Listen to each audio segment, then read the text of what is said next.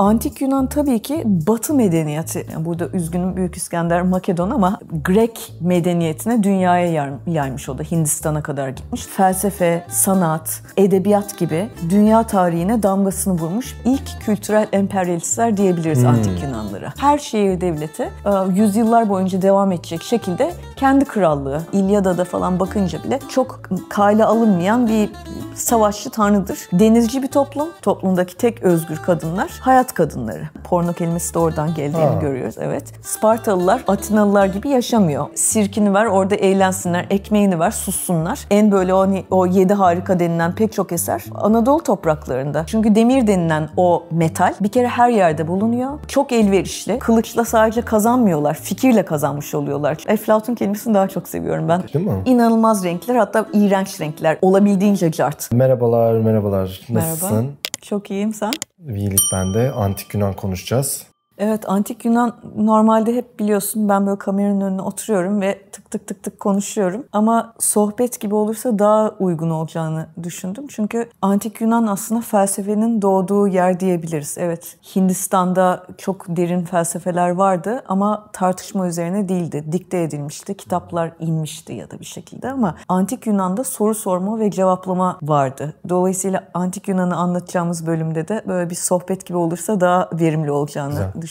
Güzel. Ee, o zaman direkt bir başlıyoruz konuya. Başlayalım. Genel olarak ne anlamamız gerekiyor bizim antik Yunan deyince? Ne aklımıza gelmeli? Ya şimdi antik Yunan tabii ki Batı medeniyeti benim ilk aklıma geliyor. Sadece benim değil, dünyanın da öyle. Çünkü sanki bütün geçmişlerini ona dayandırıyorlar ve onunla gururlanıyorlar. Yani bugün Yunanistan deyince herkes o, o Perikleslerin demokrasisinden, işte Aristo'dan, Eflatun'dan ya da Plato'dan bahsediyor. Sonuçta büyük bir gelenek ama antik Yunan tarih tarihsel olarak bakacak olursak milattan önce 800 ve 100'lü yıllar arasında çok geniş bir coğrafyaya yayılmış bir medeniyet ve bu medeniyet yani biz hep antik Yunan e, kafamızda Atina, Yunanistan e, ve o adalar var ama yani Afrika'daki bütün o sahildeki kasabalar ve kentler e, antik Yunan'dan başlayıp da Roma'ya kadar da devam etmiş büyük bir medeniyetten bahsediyoruz. Ama ehemmiyeti bana göre sadece çok geniş topraklara yayılmış olması ya da Büyük İskender yani burada üzgünüm Büyük İskender Makedon ama sonuçta Yunanlılar bizim diyorlar ama sonuçta tabii ki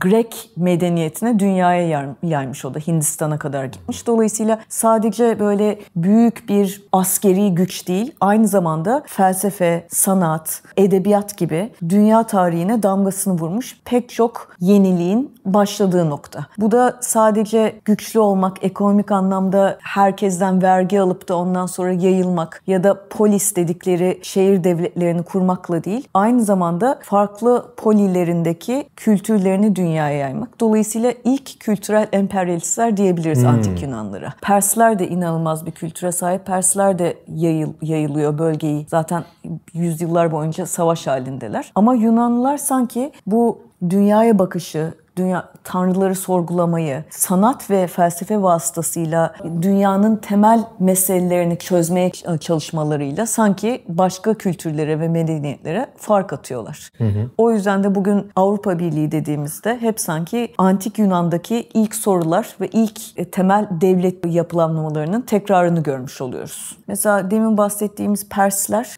Doğu emperyalist gücü olarak despotik görülür. Zaten bu hani, e, meşhur Edward Said'in Doğu ve Batı savaşları ve binary opposition yani siyah ve beyaz gibi bakması da oradan başlıyor. Yunanlıların farkı demokrasiyi kuran medeniyet olarak görüyoruz. Demokrasi ne demek? Demos halk demek.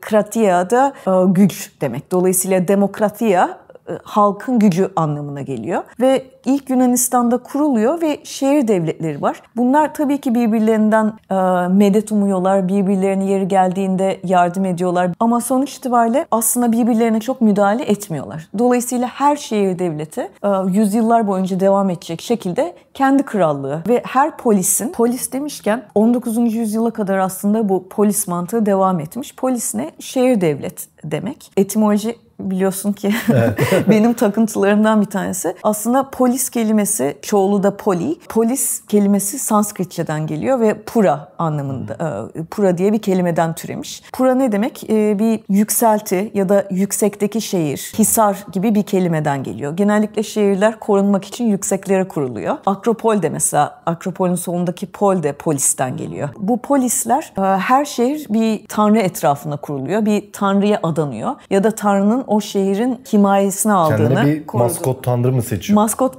tanrı seçiyorlar bir nevi. Yani mesela Atina'ya ismini veren, surprise surprise, Athena. Athena işte e, güzel bir zeytin ağacı hediye etmiş oluyor. O onun hediyesi daha değerli kılındığı için Atina şehrinin e, koruma koruyucu tanrıçası e, Athena oluyor ve sadece o tanrı ya da tanrıça şehri korumuyor ya da onun sembolü ya da maskot dediğin gibi olmuyor. Aynı zamanda şehre böyle yaşayış tarzını ve felsefesini de birazcık vermiş oluyor. Karakter veriyor. Kesinlikle yani çünkü mesela Athena deyince beyni temsil ediyor. Yunanlar mesela Ares denilen savaş tanrısına çok fazla bir şey vermezler. Çünkü Ares savaş tanrısı güçlü falan diye düşünürüz ama İlyada'da falan bakınca bile çok kale alınmayan bir savaşçı tanrıdır. Ona mukabil mesela Athena savaşçıdır evet. Hatta o şey vardır o meşhur Yunanların savaş kaskı onun Bu adı neydi bilmiyorum. Evet, tü- sonra böyle. Romanlılar alıyor falan ya. Yani savaşçı ama beynini kullandığı için stratejik savaş ve diplomasi yani masada çözmek çok daha değerli. Dolayısıyla mesela Atina, Athena ile eş, eşdeğer bir şehir. Ya da onun e, o tanrının e, polisi diyelim. Benim en sevdiğim Apollo. Yani ben mesela son yıllarda illa bir ilaha bir bağlantısı var mıydı Apollo'nun? Filmde sanki bir Apollo'ya bir sevgileri vardı. Ee, e, çünkü şöyle Spartalıların tanrısı Apollo. Ee, Apollo aslında hem müziğin hem mimarinin hem e, estetiğin hem ışığın tanrısı ama aynı zamanda e, bir tür savaşın da tanrısı. Yani savaşçı tür Apollo'lar da var. O da tabii bu, Yunan milletleri arasındaki en savaşçı, en böyle hani erkek egemen, en ezici toplum hayat tarzı olarak da ve en böyle stoik diyebileceğimiz yani minimumla yaşayıp da istila etmeyi seven tarzda bir e,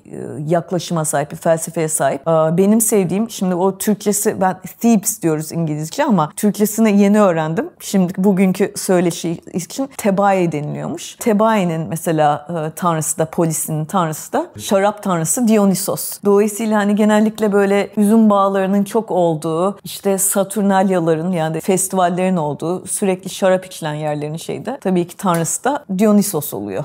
Başka yerlerde de başka tanrılar ya da tanrıçalar Bunlar görüyoruz. birbirinden kopmuş şehirler gibi o zaman. Yani kopmuş derken yine bir senin dediğin gibi bir şeyleri var aralarında. Bir müttefiklikleri var. Ee, savaş zamanında bunlar bir araya geliyor. Birbirlerine yardım ediyorlar. Birbirlerine zaten bir vergi sistemiyle birbirlerine bağlılar. Ama herkesin kendi tanrısı, kendi aristokrasisi, kendi hukuk sistemi ve kendi işte yaşam tarzı var. Birbirlerine müdahale etmiyorlar ama bir şekilde bir şey gibi adacıklardan oluşan krallıklar gibi ve coğrafya en başta söylediğim gibi çok geniş.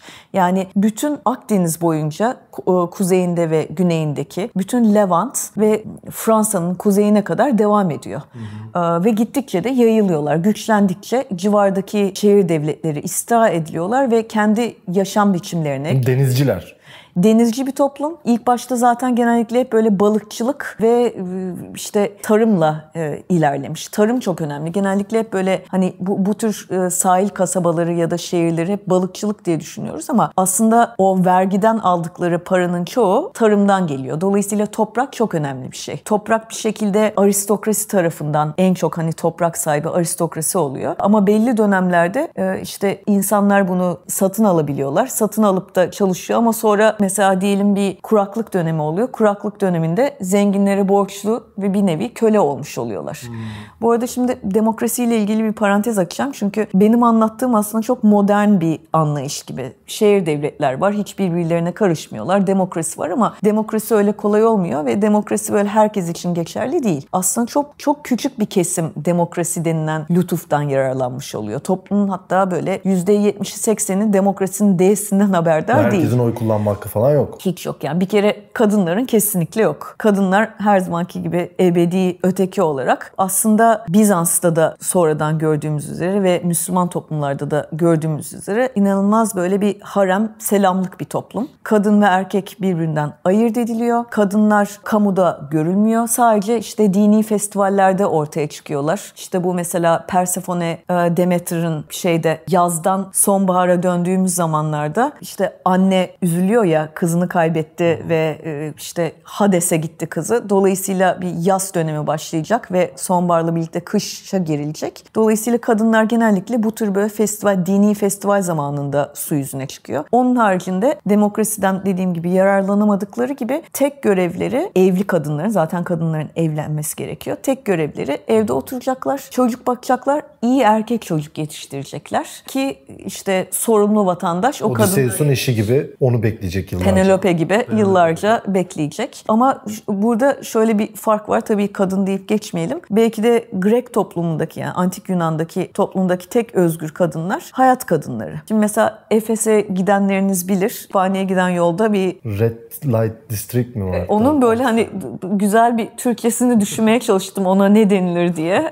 Çünkü yani böyle bir bordello ya da brothel tarzında bir yer aslında değil. Hayatın içinde. Ama şöyle işte iki tür hayat kadını var. Bazı tarihçiler bunu kabul etmiyor. Porno denilen, porno kelimesi de oradan geldiğini Ha. görüyoruz. Evet. Onlar daha böyle alelade kadın da erkeği de olan parayla bedenini satan zaten kelime olarak da satıştan geliyor pornay. Bir o tür hayat kadınları var. Onlar hani günümüzdeki hayat kadınlarından çok farkı yok. Ama bir de hetero denilen bir grup var ki bunlar daha üst düzey, daha eğitimli hayat kadınları. Ve bunlar da mesela ünlü filozofların sevgilileri oluyor. Birlikte karşılıklı oturup şarap içip böyle fikir jimnastiğinde bulunabiliyorlar. Eflatun'un bazı kitaplarında geçer mesela aşkla ilgili şeyde sempozyumda karşımıza çıkar böyle kadınlar. Bu da hani Yunan toplumuna aslında doğru yansıtmıyor. Çünkü dediğim gibi genellikle kadınlar ortalıkta yoklar. Adları bile yok. Ama bu heterolar gidiyorlar işte dediğim gibi erkeklerin olduğu ortamlarda konuşuyorlar, e, sosyalleşiyorlar, fikir beyan ediyorlar. Dolayısıyla var ve yok yani kimi kadınlar var, kimi kadınlar yok. Ama çoğu köle gibi yaşıyor. Tabii toplumun pek çoğu köle. Dolayısıyla demokrasiden nemalanamayan da büyük bir güruh var. Onlar hayatın pek çok bölümünde karşımıza çıkıyor. Her türlü inşaat işidir, e, işte tarım işidir onları yapıyor. Oy verme hakları yok. Yani anlayacağın klasik o beyaz erkek şanslı aristokratlar aslında demokrasiden yararlanmış. Ama vatandaşlar da tabii. Sıradan iş köylü de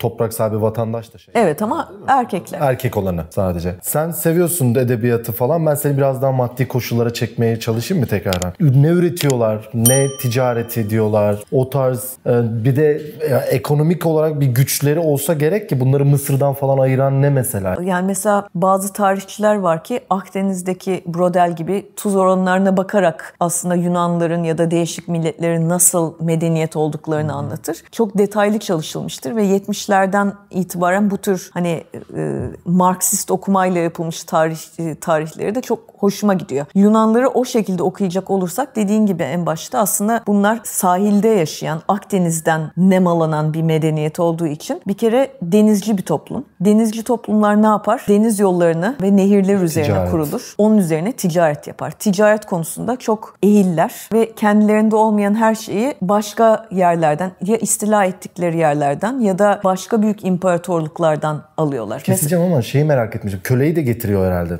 Değil Ya mi? Başka savaşlarda- bir yerden getiriyor. Tabii ki ama yani savaşlarda zaten e, bir yeri istila Kaybeden ediyorsa şeyi. kaybeden e, şehrin insanlarını topluyor, taşıyor, getiriyor. Onu köle olarak çalıştırıyor. Aynı zamanda aslında bir nevi ilk emperyalist devletler bunlar. Çünkü yaşama biçimlerini dünyaya yayan bir toplum. Yani Büyük İskender denilen e, Filip'in oğlu bir belki de askeri deha aslında bir felsefeci genç bir felsefeci olarak da okuyabiliriz. Çünkü Aristo'nun öğrencisi.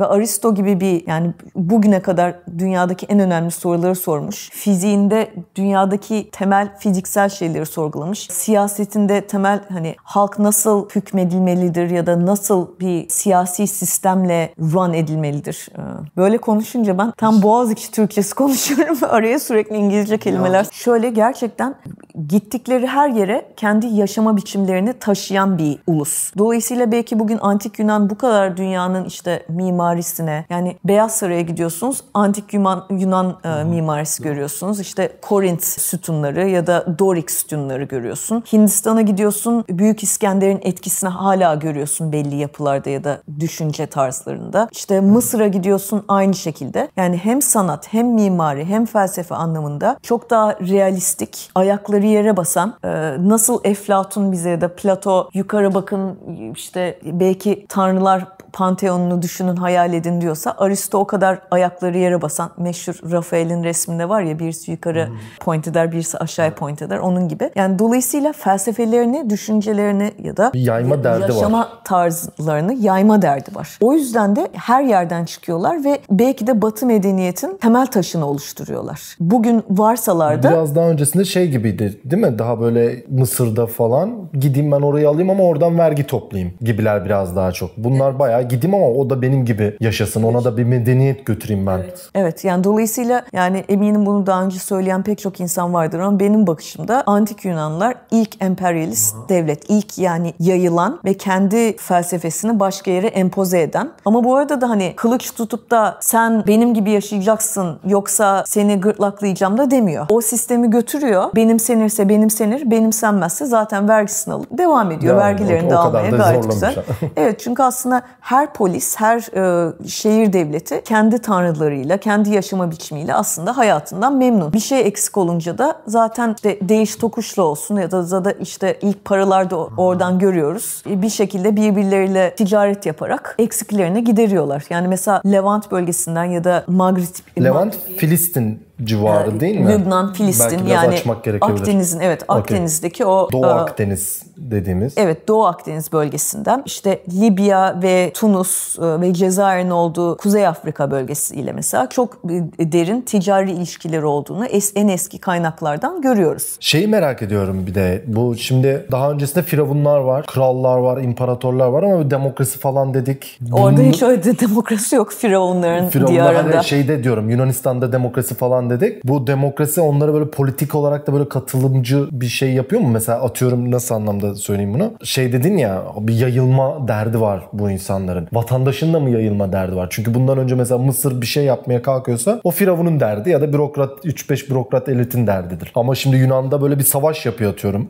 Açılıyor. Orada o vatandaşın da bir şeyi var mı fanatizmi? Şöyle, Vatandaş or devleti gibi bir şey mi şimdi, görüyoruz? Ya şöyle idealde tabii ki öyle olması gerekiyor ama realitede tam tam da öyle değil. Aslında demokrasi dediğimiz bugün de çok farklı olmadığı üzere birkaç güçlü aile ve yüzyıllar boyunca aristokrasiden çıkmış ama ondan sonra halktan belki temsilci olarak seçilmiş muktedirin aslında oyuyla ilerliyor. Hı hı. Tabii bu bile hani antik dünya için çok büyük bir gelişme. Çünkü daha önce senin de söylediğin gibi firavunlar ya da işte Pers İmparatorluğundaki işte Darius falan gibi krallara bakacak olursak orada hakikaten tanrı eşittir, kral, kral eşittir, tanrı gibi bir şey var. Yani hakikaten ilahın ağzından çıkan bir e, sanki savaş e, çağrısı gibi oluyor. O yüzden evet tabii ki çok farklı. Bir grup insanın oturup da bir böyle amfiteyatroda elini kaldırarak oy vermesi ya da belli kararlar vermesi. Ama sonuçta 3-5 aile de olsa halk oylamasıyla bunlar yapılıyor. O yüzden belki de demokrasinin ilk çıkışı hep antik Yunan'a atfedilmesinin nedeni burada ve bu kadar önemli olmasın. Belki Yunanları antik dünyadaki diğer medeniyetlerden en büyük ayrımı burada gelmiş oluyor. Demokrasi kavramının ortaya çıkmış olması. Demokrasi de böyle birdenbire pat diye gökten zembille inmedi demokrasi kavramı. Ama genellikle tarihçilere Klistenes diye bir adama atfederler. Bu da milattan önce 507 yılında başladığı söyleniyor. 507 yılında Klistenes diyor ki bizim işte Atina'daki şehir devletimiz, polisimiz demokrasi yoluyla hayatına devam edecek. Bu da hani bana göre tarihin dönüm noktalarından bir tanesi. Atina'da başlıyor ve diğer şehir devletlerine yayılmış oluyor. Atina ve Sparta bu anlamda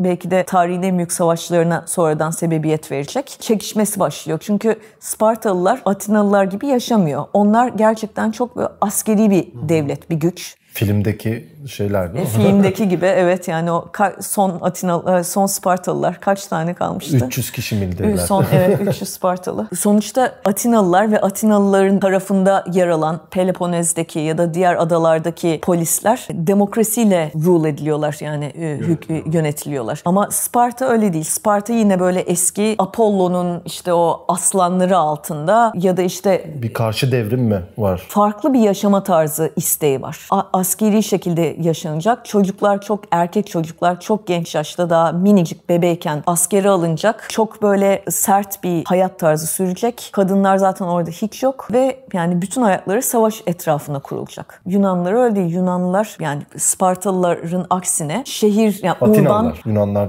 dediğimiz Spartalılar da Yunanların içine giriyor Evet sonuçta, ama Atinalıların safında yer alan pek çok Yunan devleti polisi yani işte Delos gibi, Thebes gibi başka başka bir sürü yani 13-15 tane şey var zaten büyük şehir devleti var. Bunlar hepsi de aslında urban yani şehir hayatını benimseyen şehir devletleri. Şehir hayatını benimsemek ne demek? Bir kere her şehirde bir tiyatro kuruyorlar ve o tiyatroda sadece eğlence için değil daha sonra hep şey denir ya panem ve sirkus yani milleti ekmek ve sirkle körleştirme hikayesi. Sirkini ver orada eğlensinler, ekmeğini ver sussunlar. O değil aslında ama Salazar'ın üç şey vardı ya bu Portekiz şeyi. Fiesta, futbol, fado. Yani bu onun ilk versiyonu diyebiliriz. Sirkle ve ekmekle insanları dondurmak, susturmak ve bir şekilde onları hükmetmek, kontrol altına almak. Ama benim dediğim sadece o değil. Bu polislerde hakikaten insanları mutlu edecek her şeyin olması, kendi hayatlarından mutlu olmaları ve başka yerlere bulaşmamalarını anlamına geliyor. Bir şeye ihtiyaç varsa dediğim gibi zaten ticaret yoluyla her şeyi elde ediyorlar. Tarım zaten tarımla da istediklerine kavuşuyorlar ve o da ticaretin önünü açmış oluyor. Velhasıl urban şehir hayatının kurulması bence antik Yunanlılardaki ve Sparta haricindeki diğer devletlerde gördüğümüz en güzel şeylerden bir tanesi. Çünkü şehirlerde kütüphanelerini kuruyorlar. Büyük kütüphaneler olmuş oluyor Efes'te de gördüğümüz gibi. Şehirlerde büyük amfiteyatrolarını kuruyorlar ve mimari açıdan zaten bir devrim yaratmış oluyorlar. İnanılmaz bir akustikle. Orada kadın oyuncular yok yine. Erkek oyuncular güzel eserlerini sunuyorlar ama bu eserler sadece Panem ve Sirkus'ta söylediğim gibi eğlence açısından değil, insanlara düşünme, sorgulama, hatta devleti bile yerinden sarsma imkanı veriyor. Bazı oyunlarda tanrı var mı yok mu gibi şeyler bile tartışılabiliyor. Dolayısıyla bunlar aslında toplumu düşündüren ve zorlayan şeyler oluyor. Aynı zamanda işte gladyatörler ve benzeri şeyler de ilk başta buralardan çıkıyor. Dolayısıyla bütün bunlar aslında şehir devletlerin başka yerlere neden yayıldığını da göstermiş oluyor. Çünkü aslında çok cazip. İnsanlara istediklerini veriyorsun. Kendi şehir devletlerinde mutlu oluyorlar. O yüzden çok daha hızlı hmm, yayılıyorlar. Mantar mantar mantar gibi yayılıyorlar. Anadolu'da falan şehir devletler var. E zaten yani Yunan Yunan medeniyetinin pek çok eseri eserinin Anadolu'da olması tesadüf değil. Pek çok tapınak, asıl eser, en böyle o, hani, o yedi harika denilen pek çok eser Anadolu topraklarında. E, zaten isimlerin çoğunda e, gidince yani Anadolu'da da pek çok isme bakarsan yani mesela İstanbul'da biz şu anda yaşıyoruz. Terapia, Tarabya, Terapia'dan geliyor. Yani o suları çünkü çok şifalı olduğu düşündüğü için. Yani yüzlerce is- isim sayılır. Anadolu'daki eski nehirlerin isimleri nehir tanrılarından. Burada demin bağlamak istediğim bir yer vardı. O da bu çağlar meselesi. Benden bahsedecek. Ee, çünkü şimdi şöyle evet sana ismini veren e, ya hakikaten tarihi ben böyle de şu çağ bu çağ diye ayırmanın çok kolaycı Çünkü ve... böyle sert bir katı bir geçiş yok zaten orada değil mi? Bizde böyle şey var ya 1453'te İstanbul'u fethedildi ve bir anda yeni bir çağ var. Ama daha böyle bir gradient, bir, bir daha böyle bir kademeli bir geçiş. Tabii ki yani sonuçta hani biz günümüz gözüyle bakınca hayatı kolaylaştırıyor. İşte şu çağda Perikles geldi ve demokrasinin altın çağıydı. Şu çağda işte bir diktatör geldi ya da manyak bir diktatör, faşizan bir adam geldi ve demokrasi bitti. Tabii ki bunlar tarihte güzel kolaylaştırıyor ama sonuçta hangi güç kazansa da kaybetse de hiçbir zaman değişim hızlı olmuyor ve toplumlar birbirine karıştıkça pek çok şey değişiyor. Ama çağlara bölecek olursak mesela en azından bize bir fikir vereceği için kolaylaştırıyor diye düşünüyorum. Burada ilk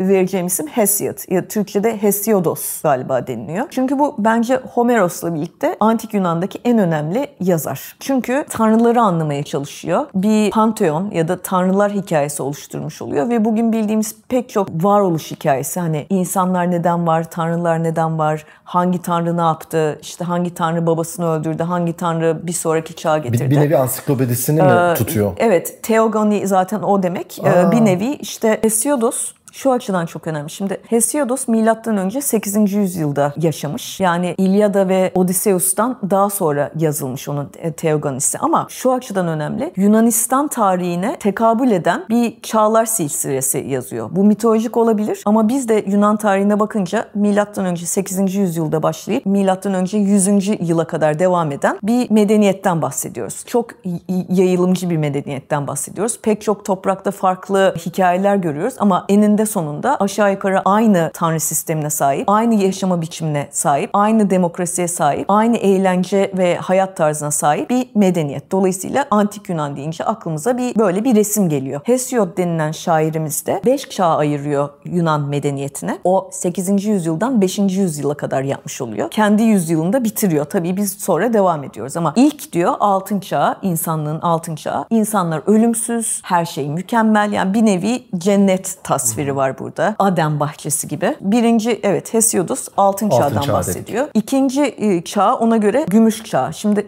gümüş çağ aslında böyle bir ölümlülük giriyor, bir dekadans giriyor ve bu arada Dekadans edebiyatta da miydi? Çürüme. Genellikle çünkü şöyle oluyor. Her şey çok güzel olunca insan tembelleşiyor ve tembellikle birlikte başkalarını ezmeye ya da başkalarını başkalarından nemalanma durumu başlıyor. Dolayısıyla altın kendini gümüşe verdiğinde insan ruhunun o arsızlığını da görmüş oluyoruz. Zeus'un çağı. Zeus babasını öldürüyor. Genellikle bu tür mitlerde oğullar babalarını öldürmek zorundaki yeni bir çağa perde açsın. Dolayısıyla nasıl Kronos, Uranus cinayeti varsa burada da işte Zeus babasını öldürüyor ve tek tanrı olarak ortaya çıkıyor ve ondan sonra kendi sistematiğini kuruyor. Dolayısıyla Hesiod'a göre Zeus'un doğumu ile birlikte yeni çağ açılmış oluyor. Sonra o bronz çağına evriliyor. Bronz çağda insanlar için aslında insanların bronz çağına tekabül ediyor. Ve onun işte o bronz çağında insan yaratıldığında insan öyle bir varlık çünkü daha önce mitolojik varlıklar, ölümsüzler. İnsan dış budak ağacından yaratıldığını öne sürüyor ve tabii ki insan denilen şey im- imperfect yani mükemmel olmayan varlık. Tanrılar da antropomorfik yani insandan etkilenerek yaratılmış. Dolayısıyla tanrılar Onlar da mükemmel evet, değil Zeus ama hata yapıyor. hep hata yapıyor, sürekli hata Sürekli yapıyor. hata yapıyor ve Aa, başını belaya sokuyor insanların falan değil mi sürekli? İnsanlar öne, önemli değil zaten. İnsanlar ölmüş kalmış yapmıyor. vesaire. Yani bütün savaşlar tarihi tanrıların bir yara- yarışması üzerine kurulmuş. Yani bir elma. Hatta geçenlerde New Yorker'da bir karikatür gördüm. Bayıldım. Şöyle bir adam tepsinin üzerinde elma ile geliyor. Bunu kim order etmişti? Yani kim sipariş vermişti diyor. Uzun bir masa var. Masada işte Adem, Havva, yılan oturuyor. İşte Newton oturuyor. Şey oturuyor. Neydi o? Şu vuran çocuğu mu diyorsun? Robin Hood oturuyor. Ha, Robin Hood. Ya bir sürü hani tarihte elma ile ilişkilendirilebilen bir, bir, sürü, bir sürü şey oturuyor. Ama burada da yani bunu niye söyledim? Çünkü hani bir obje üzerinden bile tarihi çok fazla okuyabilirsin ya da bir mitolojik varlık üzerinden. Bunlar sürekli cyclical bir şekilde karşımıza çıkıyor. Yani Peki birazcık bir tık geriye doğru gi- gidelim. Şimdi Pelin Batu'yla tarih konuşacağız deyince birazcık okumaya falan bak çalışıyorum. Orada şunu düşünmüştüm. Yunanlar okey gelmişler, bayağı yayılıyorlar ama Yunanlardan biraz önce çok güçlü medeniyetler var. Mezopotamya'da, Mısır'da. Ne oldu onlar birden alanı mı açıyorlar Yunan? Yunanlar mı? Şimdi Hesiod'dan bahsettik. Mitolojik anlatılar bunlar. Ama realiteye dönecek olursak bronz denilen metal çok yumuşak bir metal. Tabii ki çok önemli ama bronz çağına adını veren bu metal aslında daha çok aristokratik sınıfın nemalandığı ve birazcık böyle eski. Çünkü aristokrasi ne demek? Küçük bir güruh bir şekilde e, çoğunluk Artık üzerinde ka- bir söz sahibi olan bir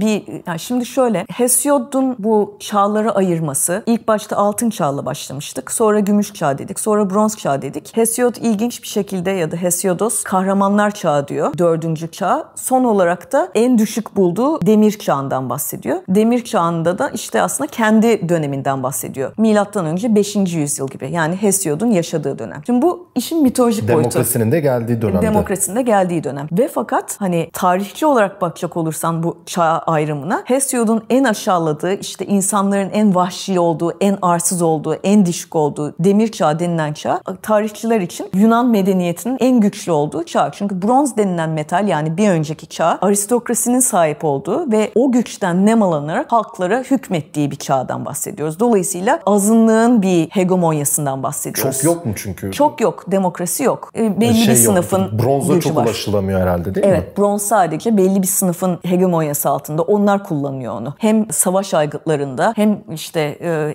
evdeki kullandıkları aygıtlarda, aletlerde, edevatlarda vesaire. Küçük bir zümrenin sahip olduğu bir zenginlik. Dolayısıyla rule of the few diyebileceğimiz Aha. azınlık gücü iktidarı. Demir çağına gelecek olursak demir çağı Hesiod'un o kötü dediği çağ aslında Yunanların yani Mikenler denilen bir topluluk var. Yunanlardan önce düşünülen Mycenaean deniliyor bunlara. Mycenaeanlar bronz çağının en önemli, en güçlü medeniyeti. Şimdi bronz çağı geçtikçe bir şekilde Yunanların güçlü olduğu zamana geçiyoruz. Yunan, Yunanların güçlü olduğu çağda demir çağı oluyor. Çünkü demir denilen o metal bir kere her yerde bulunuyor. Çok elverişli. Savaş teknolojisi için çok elverişli. Bir kere kılıçlarını ve benzeri aletlerini demirden yapıyorlar. İşlemesi daha kolay. İşlemesi daha kolay ve çok daha dayanıklı. Dolayısıyla hem savaş teknolojisi anlamında gelişmiş oluyorlar hem yayılma anlamında her yeri yayılıyor. Başka topluluklarla da ticari bir şeye dönüştürüyorlar. Yani şimdi Anadolu topraklarına bakacak olursak Anadolu topraklarında aynı çağlara tekabül eden dönemde işte Hitit gibi inanılmaz bir medeniyet var. Hatuşa'ya bakıyorsun. Gerçekten çok ileri bir medeniyet. İşte Perslerden biraz bahsettik. Persler belki Orta Doğu'daki en güçlü medeniyet. Mezopotamya dediğimiz zaten medeniyetin doğduğu şey. Babil ondan sonrasında inanılmaz böyle güçlü hem savaşçı olan hem civilization medeniyet açısından şehir devletlerine bakacak olursak astronomi bilgilerinden tut işte irrigation'a kadar sulama sistemlerine kadar çok gelişmiş milletler var. Şimdi ne oluyor da böyle gezgin işte balıkçı, işte denizlerde volta atan bir Yunan medeniyeti bütün bunları alt edip bütün şehirleri tek tek hüküm hükmediyor. Kontrol altına e, alıyor. Kontrol altına alıyor. Bir, a, e, demir çağının getirdiği para ve güç. İki, teknolojik anlamda inovasyon. Üç, bu yeniliğe açık olma, sorgulama vesaire. Şimdi Mısır ve Mezopotamya dediğin gibi ilk medeniyet Mezopotamya'da çıkıyor. Sonra Mısır'da çok yani pek çok alanda ilkleri yaratan toplumlar. Öbür tarafta Çin'de de aynı şekilde inanılmaz ilkler Hindus ortaya vadisi. çıkıyor. Indus'ta da aynı şekilde Hindistan'da. Ama Yunanları öbürlerinden farklı kılan bence her zaman yeniliğe açıklar. Ve bu yenilikler yani tıp alanında da işte ordu yani militer anlamda da görüyoruz. Mesela chariot tarzı bir savaş hayvanı varken yani atlara binip de bütün Bu o arkada şey evet yani o Truva filmlerinden ya da işte e, Yunan e, savaş e, Yunan savaşlarını gördüğümüz filmlerde Spartalar falan gördüğümüz hep o. Ama sonra mesela phalanx tarzı bir savaş mekanizması geniş. E, Bu bizim İskender filminde gördüğümüz muzraklı. Evet yani önlerine böyle bir duvar örüyorlar ve kimse geçemiyor ve o bir savaş hayvanı olarak diyebileceğim bir e, tabirle yani dünyayı fethediyorlar. Sadece savaş formasyonu. Askeri devrim de var yani işin altında. Kesinlikle askeri devrim var. O yüzden de çok ye- yenilikçiler. Yani daha önceki sistemleri alıyorlar, renove ediyorlar. Yani mesela o chariot denilen şeyler, at, atlıları, süvari şeyini alıyorlar. Onlara mesela bir strateji ekliyorlar ya da bir duruş şekli ekliyorlar ve silah ekliyorlar. Yani değişik tür silahlar geliştiriyorlar. Dolayısıyla hem savaş stratejisi taşısı anlamda. İstilacılar evet ama gittikleri yerde pek çok başka yeniliği de getirmiş oluyorlar. O yüzden cazip de oluyor. Şimdi sen diyeceksin ki bana kölelere ne kadar cazipmiş diye sor. Tabii ki sadece belli bir kesim için cazip. Çünkü kondukları yere bütün bugünkü emperyal devletleri gibi işte altınlarını, madenlerini, bronzlarını, onlarını bunları falan alıyorlar ya da işte bakırlarını alıyorlar, kullanıyorlar. Sularını alıyorlar. Porfiri denilen mesela Levant ve Kuzey Afrika'daki midyelerin içindeki mor, morları alıp alıp onları ezip yani mesela antik çağdaki en önemli ekonomik şeylerden bir tanesi, tool'lardan bir tanesi bu. Çünkü mor rengi imparatorların rengi. O mor rengi de ancak oradan elde ediliyor. O deniz kabuklarını ezerek moru elde ediyorlar. Dolayısıyla Bizans'a kadar dediğim gibi o Evet bu Romalılarda, Bizanslarda da mor bayağı şeydi değil mi? Evet yani dolayısıyla hani deniz kabuğundan tut zeytinyağına kadar her türlü işte o dönemin kıymetli görülen ham maddesini bir şekilde alıyorlar, ele geçiriyorlar, kullanıyorlar ya da da exchange'i demokrasi götürüyor mu bunlar? götürüyor. Bir şekilde mesela gittikleri yerlerde demokrasi var ama tabii ki mesela tanrı sistemine gidip ıı, bir hibrit demokrasiler Hadi Zeus'a inan demiyor yani.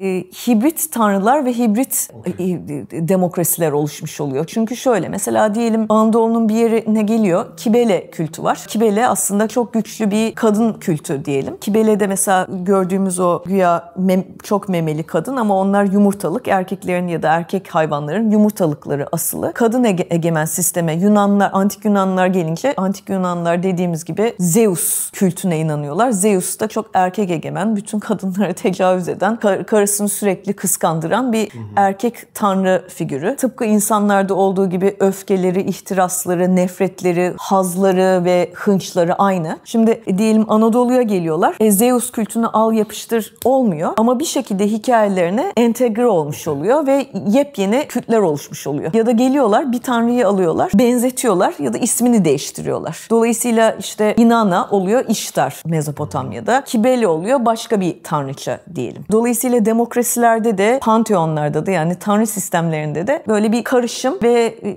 işte zaman içinde yüzyıllar boyunca bir doğal değişime uğramış oluyor. Şöyle ki mesela Büyük İskender Hindistan'ı fethettiğinde Hindistan böyle bir barbarik toplum değil. inanılmaz gelişmiş bir toplum. Ama oraya fethettiğinde yeni fikirler, Aryan fikirleri oraya götürmüş oluyor. Dolayısıyla o fikirler yüzyıllar boyunca kale olarak durmasa bile düşünce olarak durduğu için önüne geçilmiyor. Yani fikirle aslında antik Yunan fethetmiş oluyor. Aynı şekilde Mısır'da da öyle. Mısır daha önceki programda da anlattığımız üzere mimari olarak, astrofizik olarak, tıp olarak, kadın hakları olarak antik Yunan'dan çok daha gelişmiş bir toplum ve piramitlere bak bir de akropollere bak. Yani arada dağlar kadar fark var. İnanılmaz bir gelişmişlik. Ama sonuçta 300 yıllardan itibaren diye yani bana göre zaten antik Yunan'ın en böyle pike ulaştığı Hı-hı. ve en yüksek medeniyeti vardığı nokta 300'lü ve 400'lü İskender. yüzyıllar. İskender'in çağı. Yani o zaman tam bir emperyalist dünya devleti olmuş oluyorlar. Ve İskender tabii ki hem çok iyi bir militer lider. 33 yaşında ölmüş ama yani inanılmaz bir gerçekten stratejik anlamda bir deha. Ama onun ötesinde Yunan fikirlerini taşıdığı için bence çok önemli. Çünkü ondan sonra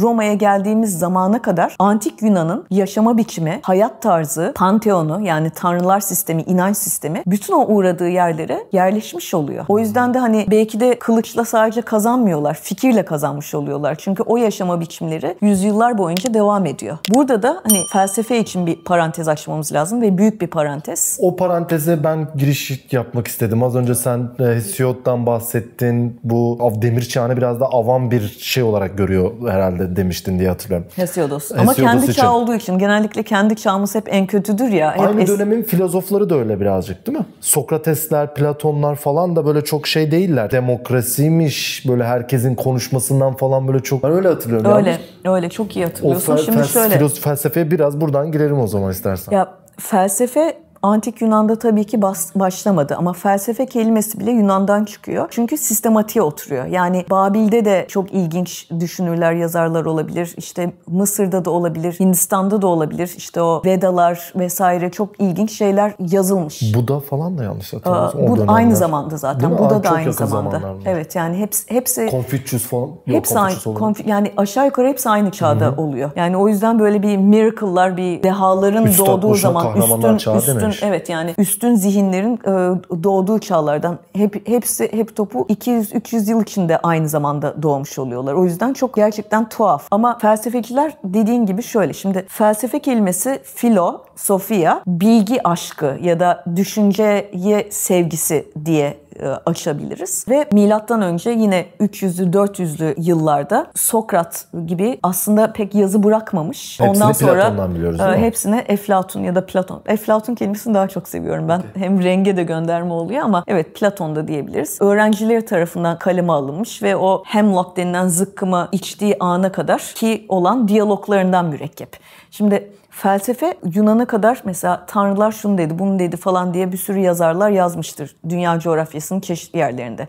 Ama Yunanlıların farkı soru cevap ve diyalog şeklinde olması. O yüzden de bu demokrasi fikriyle de çok güzel bağdaşıyor. Çünkü oturuyorsunuz mesela bir sempozyumda ya da bir e, teogenide ya da başka bir yerde. Diyelim mutluluk nedir? Hayatın anlamı nedir? Biz neden buradayız? İdeal devlet sistemi nedir diye insanlık denilen mahlukatın temel sorularını kendi aralarında aralarında tartışarak bir sonuca varmaya çalışıyorlar. Hı hı. Ve bu filozoflar hiçbirisi doğru cevap budur demiyor ama bize soru sorma hayat biçimini empoze etmiş oluyorlar ki bence zaten felsefenin en önemli misyonu bu. Eflatun da bunu yapıyor zaten. Mesela Eflatun'un devletinde bize bugüne kalmış olan çok önemli düşünceler mesela diyelim senin söylediğin gibi mükemmel demokrasiyi Filozof savunmuyor. kraldan bahsediyor değil mi? Hayır, felsefeci krallardan bahsediyor ve felsefeci krallar böyle a, halk tarafından sadece seçilmiş değil, gerçekten düşünen insanlar. Ama orada mesela kadınlar yok, şairler yok. Pek çok insan dışlanmış oluyor onun o ideal Şairlerden devletinde. nefret ediyordu değil mi şey? Şairlerden nefret ediyor çünkü onlar insanları hayal Gerçekliği şey evet hayal e,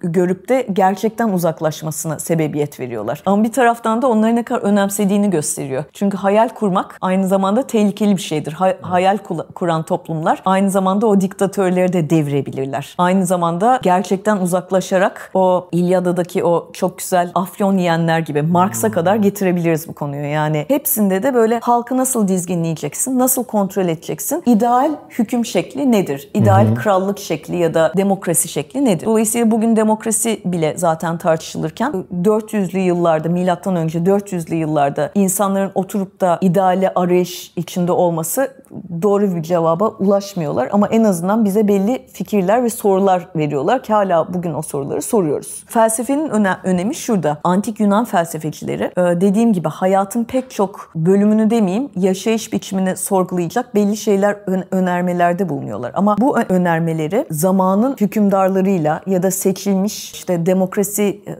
sisteminin seçtiği e, parlamenterlerle paylaşıyorlar ki bir süre sonra felsefe ve realite birbirini, birbirini tamamlayan bir şey olmuş oluyor. Bugün ne kadar uzağız? Bugün mesela felsefe dersleri ders olmaktan çıkartılıyor ya da okutulmuyor. Seçmeli olmuş oluyor. Ama antik Yunan'da felsefe kralların, İskender'in bile yapması gereken bir şey ki bunu Fatih'e kadar getirebiliriz. Çünkü Fatih de mesela Büyük İskender okutuyor kendine sürekli ve geçmiş felsefeleri kendi divanında sorgulatıyor ve e, yazdırıyor. Şimdi dolayısıyla hani Rönes Fatih'i söyledim çünkü Rönesans'a kadar bu sistem devam ediyor. Machiavelli Medici'ler için aynı şeyi yapıyor. Felsefe ve hep hegemonya diyeceğim geliyor ama hüküm eden ya da iktidarda olan zümrenin kullandığı bir tool, bir alet. O yüzden de her zaman çok önemli. Biraz da sanatından bahsedelim o zaman artık Yunan'ın. Şimdi evet. Çünkü belki değinmek gerekir. Biz şey gibi hatırlıyoruz, biliyoruz ya genelde bu. Davut heykelini biliyoruz mesela. Sanki Yunan şeymiş gibi ama aslında Rönesans'ta tekrar üretildiği için çoğu eser bize ulaşmış. Evet. Değil mi? Doğru Antik biliyorum. Yunan'dan çok az kalmış. Antik Yunan'dan çok az eser var aslında bizim elimizde. Ya bronzlar eritiliyor, yeni heykel yapılıyor. Şimdi Antik Yunan'dan Rönesans'a kısa bir yolculuğa çıkacağım.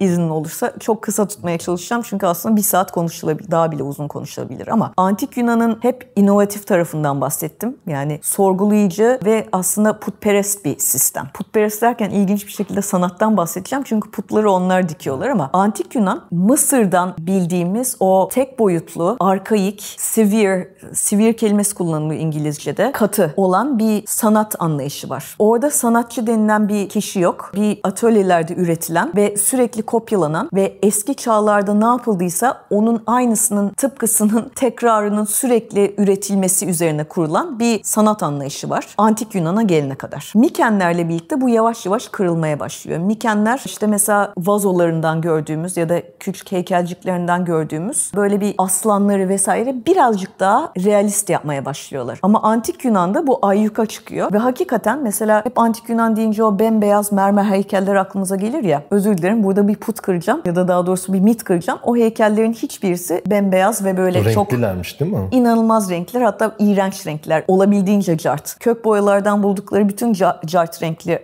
renklerle işte gözlerin burasını yeşil ve mavi boyuyorlar. Dudakları kıpkırmızı boyuyorlar erkeklerin ve kadınların olmak üzere. Ee, acayip acayip böyle tuniklerini garip renklere boyuyorlar. Dolayısıyla o şehirlerde gezerken rengarenk heykeller görmüş oluyoruz. Ama Yunanların, antik Yunanların farkı bunları insanı daha çok benzetmesi.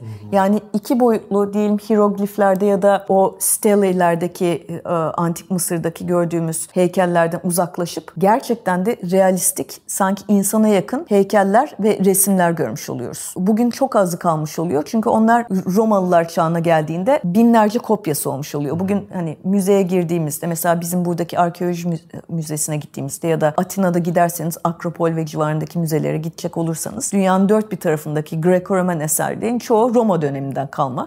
Çünkü belli başlı işte Dionysos heykeli mi, işte Artemis heykeli mi neyse o alıyorlar, kopyalıyorlar, kopyalıyorlar, kopyalıyorlar. Taşları kırıp tekrar daha güzel bir forma getiriyorlar. Metalleri arıyor, alıyorlar. Mesela İstanbul Latinler tarafından fethedildiğinde o bütün etraftaki heykelleri almışlar. Mesela atlıları gitmişler, götürmüşler Ve Venedik'e. Venedikliler istila edince. İşte Şimdi metalleri... hala Venedik'te bir yerde sergileniyor muydu o? Evet, Hem hala. şehrin girişin Evet, Venedik'te hala atlar duruyor ama pek çok metali eritiyorlar, yeniden heykel yapıyorlar. Dolayısıyla antik Yunan'dan kalan bronz heykel çok nadirdir ve o yüzden de çok kıymetlidir. Bu Yunanlılar özellikle sanat e, açısından sadece realizme yakalamak açısından değil ama aynı zamanda temel felsefelerini ve hikayelerini anlatmak açısından da kullanıyorlar. O yüzden de biz mesela Büyük İskender'le ilgi, ilgili bildiğimiz pek çoğunu mesela mezar taşlarından biliyoruz. Çünkü mezar taşlarına o sarkofagları, sarkofaguslara işliyorlar. Ya da bir hükümdarın hayatı işleniyor ve yani onları biz sanat eserleri vasıtasıyla okumuş oluyoruz. O yüzden de hem tarihçi açısından çok önemli hem arkeolog açısından çok önemli hem de sanat tarihinde bu değişimi görmek açısından çok önemli antik Yunanlılar. Dün bir tane video gördüm. Keman çalıyormuş bir tane virtüöz, keman virtüözünün beyin ameliyatını yapıyorlar. Kadın keman çalarken yapıyorlar beyin ameliyatını ki yapmak istedikleri ameliyatta o şeylere dokunmak istemiyorlar. O keman çalarken o şeylerde artık bir hareketlilik mi oluyor beyin hücrelerinde nasıl bir şeyse ona göre çok yaratıcı bir şey gibi gelmişti bana. Bayağı acayipmiş. o zaman tıp sanat mıdır diye sormak istiyorum hocam. Hipokrat'ın sorusunu Hipokrat'ın soruyorsun yani. sorusunu. Şimdi Yunanlılar için tıp sanat değildi belki ama Hipokrat'ın söylediği şu açıdan çok önemli. Hakikaten antik Mısırlılarda, Babiller, Sümerler'de tıpta tabii ki çok şey buldular. Yani ilk keşifler orada. Ama Yunanlılar bunu sistematik bir hale getirdiler. Hipokrat çok önemli bir figür. Çünkü Asclepius ve Asclepius kültlerine dayalı. Asclepius benim çok ilgilendiğim bir konu. Çünkü Asker Pius. Asclepius bir tanrı. Benim yazmaya çalıştığım ve bir türlü bitiremediğim namütenahi romanımın önemli bir kısmını e, kaplıyor. Çünkü Asclepius miti ve kültü e, şöyle bir şey. Asclepius diye birisi var. Hatta o yılanları vardır ya e, onun o şeyin tıbbın sembolü olan. Devlet hastanelerindeki Her logo. yerde olan evet. Şimdi yılan en başta söylediğim gibi aslında Enkidu'dan ölümün, ölümsüzlüğün sırrını çalan bir varlık ama aynı zamanda ebediyetin de sembolü. Ouroboros denilen o kendi başını, kuyruğunu yiyen, başını yiyen sürekli böyle şey olan e, yılan da oradan çıkıyor. Antik Yunanlarda var. E, Burada da y- e, yılan sembolüyle Asclepius'u görüyoruz. Asclepius denilen tanrı değişik yerlerde mesela Delphi'de de varmış. Anadolu'nun 3-4 yerinde de var. Tıp şifa merkezleri kuruyorlar. Bunlar genellikle paralı olmuyor. Sadece adak oluyor. Yani senin bir diyelim illetin var. Sen gidiyorsun bir tane tavuk götürüyorsun ya da keçi götürüyorsun. O da hani seni bir şekilde tedavi edebilirlerse seni belli böyle sanki manastırlarda olan tek kişilik hücrelere koyuyorlar. Kimi tarihçiler bu tek kişilik hücrelerde yılanların olduğunu söylüyor. Kimilerinin bu hücrelerde e, sokulmadan önce sana uyuşturucu bazı maddelerin verildiği mesela otun falan içildiği söyleniyor. Sen gidiyorsun yalnız başına orada İslamiyet'te de gördüğümüz o rüya ya niyetli rüya görme meselesi. Yani sen bir fikirle yatıyorsun ya da gözlerini yumuyorsun. Diyorsun ki benim illetim ne? Benim hastalığım ne? Bende ne problem var? İnanışa göre Askelpion ya da Askel, Askelpius, Askelpionlarda merkezin ismi Askelpion, Askelpius tanrının ismi. Ee, ya da onun rahibi ya da rahibesi sana rüyanda geliyor ve diyor ki oğlum Çağlar senin kafanda bir problem var.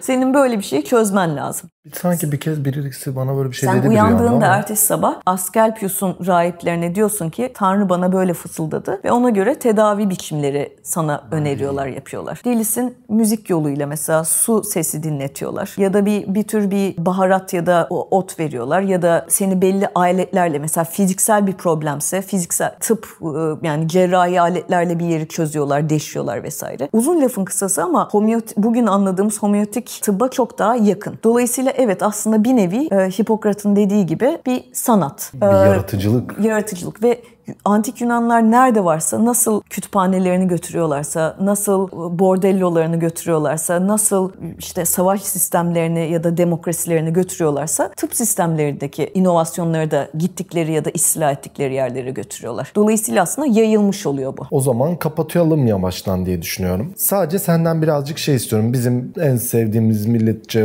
de konular olan. Şöyle bir hızlıca bir siyasi kronolojisini verelim. Önümüzdeki haftaya bağlayalım, kapatalım konuyu Ben istersen girişi yapayım. Biz 800'ler dedik. Öncesinde bir Miken kültürü var dedik. Bronz çağı çöküyor dedik bu Miken kültürü. Sonra yavaştan artık şehir devletler kurulmaya başlandı. Bir döneme giriyoruz. 700'ler, 600'ler. Sonra Sonra e, işte 400 ve 300 300. 500'de yıllar. demokrasi vardı. 500'de demokrasi vardı. 300-400 bana göre hem dünyadaki en önemli filozofların hem de e, şehir devletlerinin en böyle asal sanat eserlerini ve mimari eserleri bıraktığı zamanlar. Atinalılar belki de demokrasi kavramı yayıyorlar ama sürekli bir savaş halindeler. Çünkü hakikaten onların karşısında daha önce Spartalılardan gördüğümüz üzere çok yani sistem olarak askeri ve güçlü bir toplumlar var. Kendilerine benziyor ama aynı zamanda da hayat biçimi olarak %100 farklı. Bir de Persler var. Yani Batı'nın karşısında zaten her zaman, her daim bir Pers korkusu vardır. Bu birazcık da sonradan dikotomi oluşturacak. Yani bir ikilem oluşturacak bir Doğu-Batı muharebesi meselesini de doğuruyor. Çünkü Pers de çok kadim bir toplum Persler ve onların hayat tarzı bir şekilde değişik hükümdarlardan gördüğümüz üzere Mısır'da da olduğu üzere bir despotik, tek kral, tek lider sistemi. Bu Atinalıların ve diğer Yunan şehir devletlerindeki demokrasi bakış açısıyla çok sıt. Yunanlar yayılmaya çalıştıkça Orta Doğu'da önce İonya'da ve Anadolu'da sonra da işte onun ötesinde Pers e, topraklarında büyük bir duvarla karşı karşıya geliyorlar. Sanıyorum en önemli savaş ve bizim en iyi bildiğimiz savaşlardan bir tanesi de bu maraton hikayesine sebebiyet veren 1. Darius'la Yunanlıların Yunanların savaşı. Yunanlar sonuçta kendi oldukları adacıklarda ya da Yunan Yarımadası'nda Akdeniz boyunca değişik şehir medeni e, devletleri üzerine yayılmış vaziyette duruyorlar. Persler yavaş yavaş yavaş yavaş içeri doğru giriyor. Avrupa'ya doğru hareket ediyorlar. Darius yanılmıyorsam milattan milattan önce 490'lı e, yıllarda Darius kapıya dayanmış ve Atina hiç böyle bir şey beklemiyor. Bunun üzerine Filipides adlı zavallım. Koşan çocuk mu Koşan bu? çocuk bu. 40 kilometre koşuyor. Evet yani ve çok hızlı koşmak durumunda. Çünkü Persler kapıda haber vermezse Yunanlılar hazırlanamayacak. Koşuyor, varıyor, Yunanlılara söylüyor. Persler geldi, Darius'un güçleri geldi, ıslah edecekler diye. Ve koştuğu gibi ölüyor. Dolayısıyla bu maraton yani o yolun ismi. E, o hı hı, koştuğu yol. Koştuğu yolun ismi maraton olduğu için maraton koşusu da ondan adını alıyor. Yani 1896'yı da e, yanlış hatırlamıyorsam 1896'da bu olimpiyatlar ilk başladığı başladığı zaman koşuyla başlıyor ve o maraton ismi oradan alıyor ve hala da Ama bir olimpiyatlar da geliyor. yapıyorlar zaten bu arada. Hani Tabii ama bu, bugün sadece mesela maratondan esinlenmiyorlar değil mi? Çünkü tabii ki olimpiya biz... şehrinde yapılan bir takım oyunlar falan evet, da vardı galiba. Ama çok tuhaf yani mesela bugün de olan o top atma, gülle gibi bir şey atıyorlar ya e, ya da sırık atma falan gibi maratonda değişik değişik şeyler var. Değişik tür spor tarzları var. Ha Yunanlar bu arada yani bunu unuttum ama Yunanlı deyip de geçmemek lazım. Yunanlı toplumu. Sanatta bahsederken dedim ya çok realistik ama aslında aynı zamanda bir vücut kültü. Yani Aristo hep şeyden bahsediyor. Sağlıklı bir beyin olmazsa sağlıklı düşünce de olmaz. Dolayısıyla hayatı dengede tutma, golden mean, altın medium'da tutmak çok önemli Aristo'ya göre. Dolayısıyla hani Yunan deyince o adeleli, puzzle'lı heykelleri, güzel insanları görüyoruz. O sadece bir idea değil. Yani daha sonra Rönesans'a geldiğimizde bütün o Rönesans sanatçıların, Rönesans da yeniden doğum demek biliyorsun. Neyin yeniden doğumu? Antik Yunan'ın yeniden doğumu. O güzel vücutlar boşuna değil. O güzel vücutlar aynı zamanda güzel düşünceyi de sembolize ediyor. O yüzden olimpiyatlar çok önemli. Çünkü fiziksel olarak fit olmak demek aynı zamanda iyi düşünmek de anlamına geliyor. Bir dengeyi oluşturmak anlamına geliyor. O yüzden bütün o mükemmel heykelleri görüyoruz. Bu sağ olsun Filipides kazandılar savaşı maratonu. Sen güzel bağlıyorsun. Filipides geldi maratonu koştu. 40 kilometre koştu durmadan soluksuz bir şekilde ve o anda öldü. Haberi verdi. Darius kapıda siz... Ama kazanıyorlar tabii savaşı.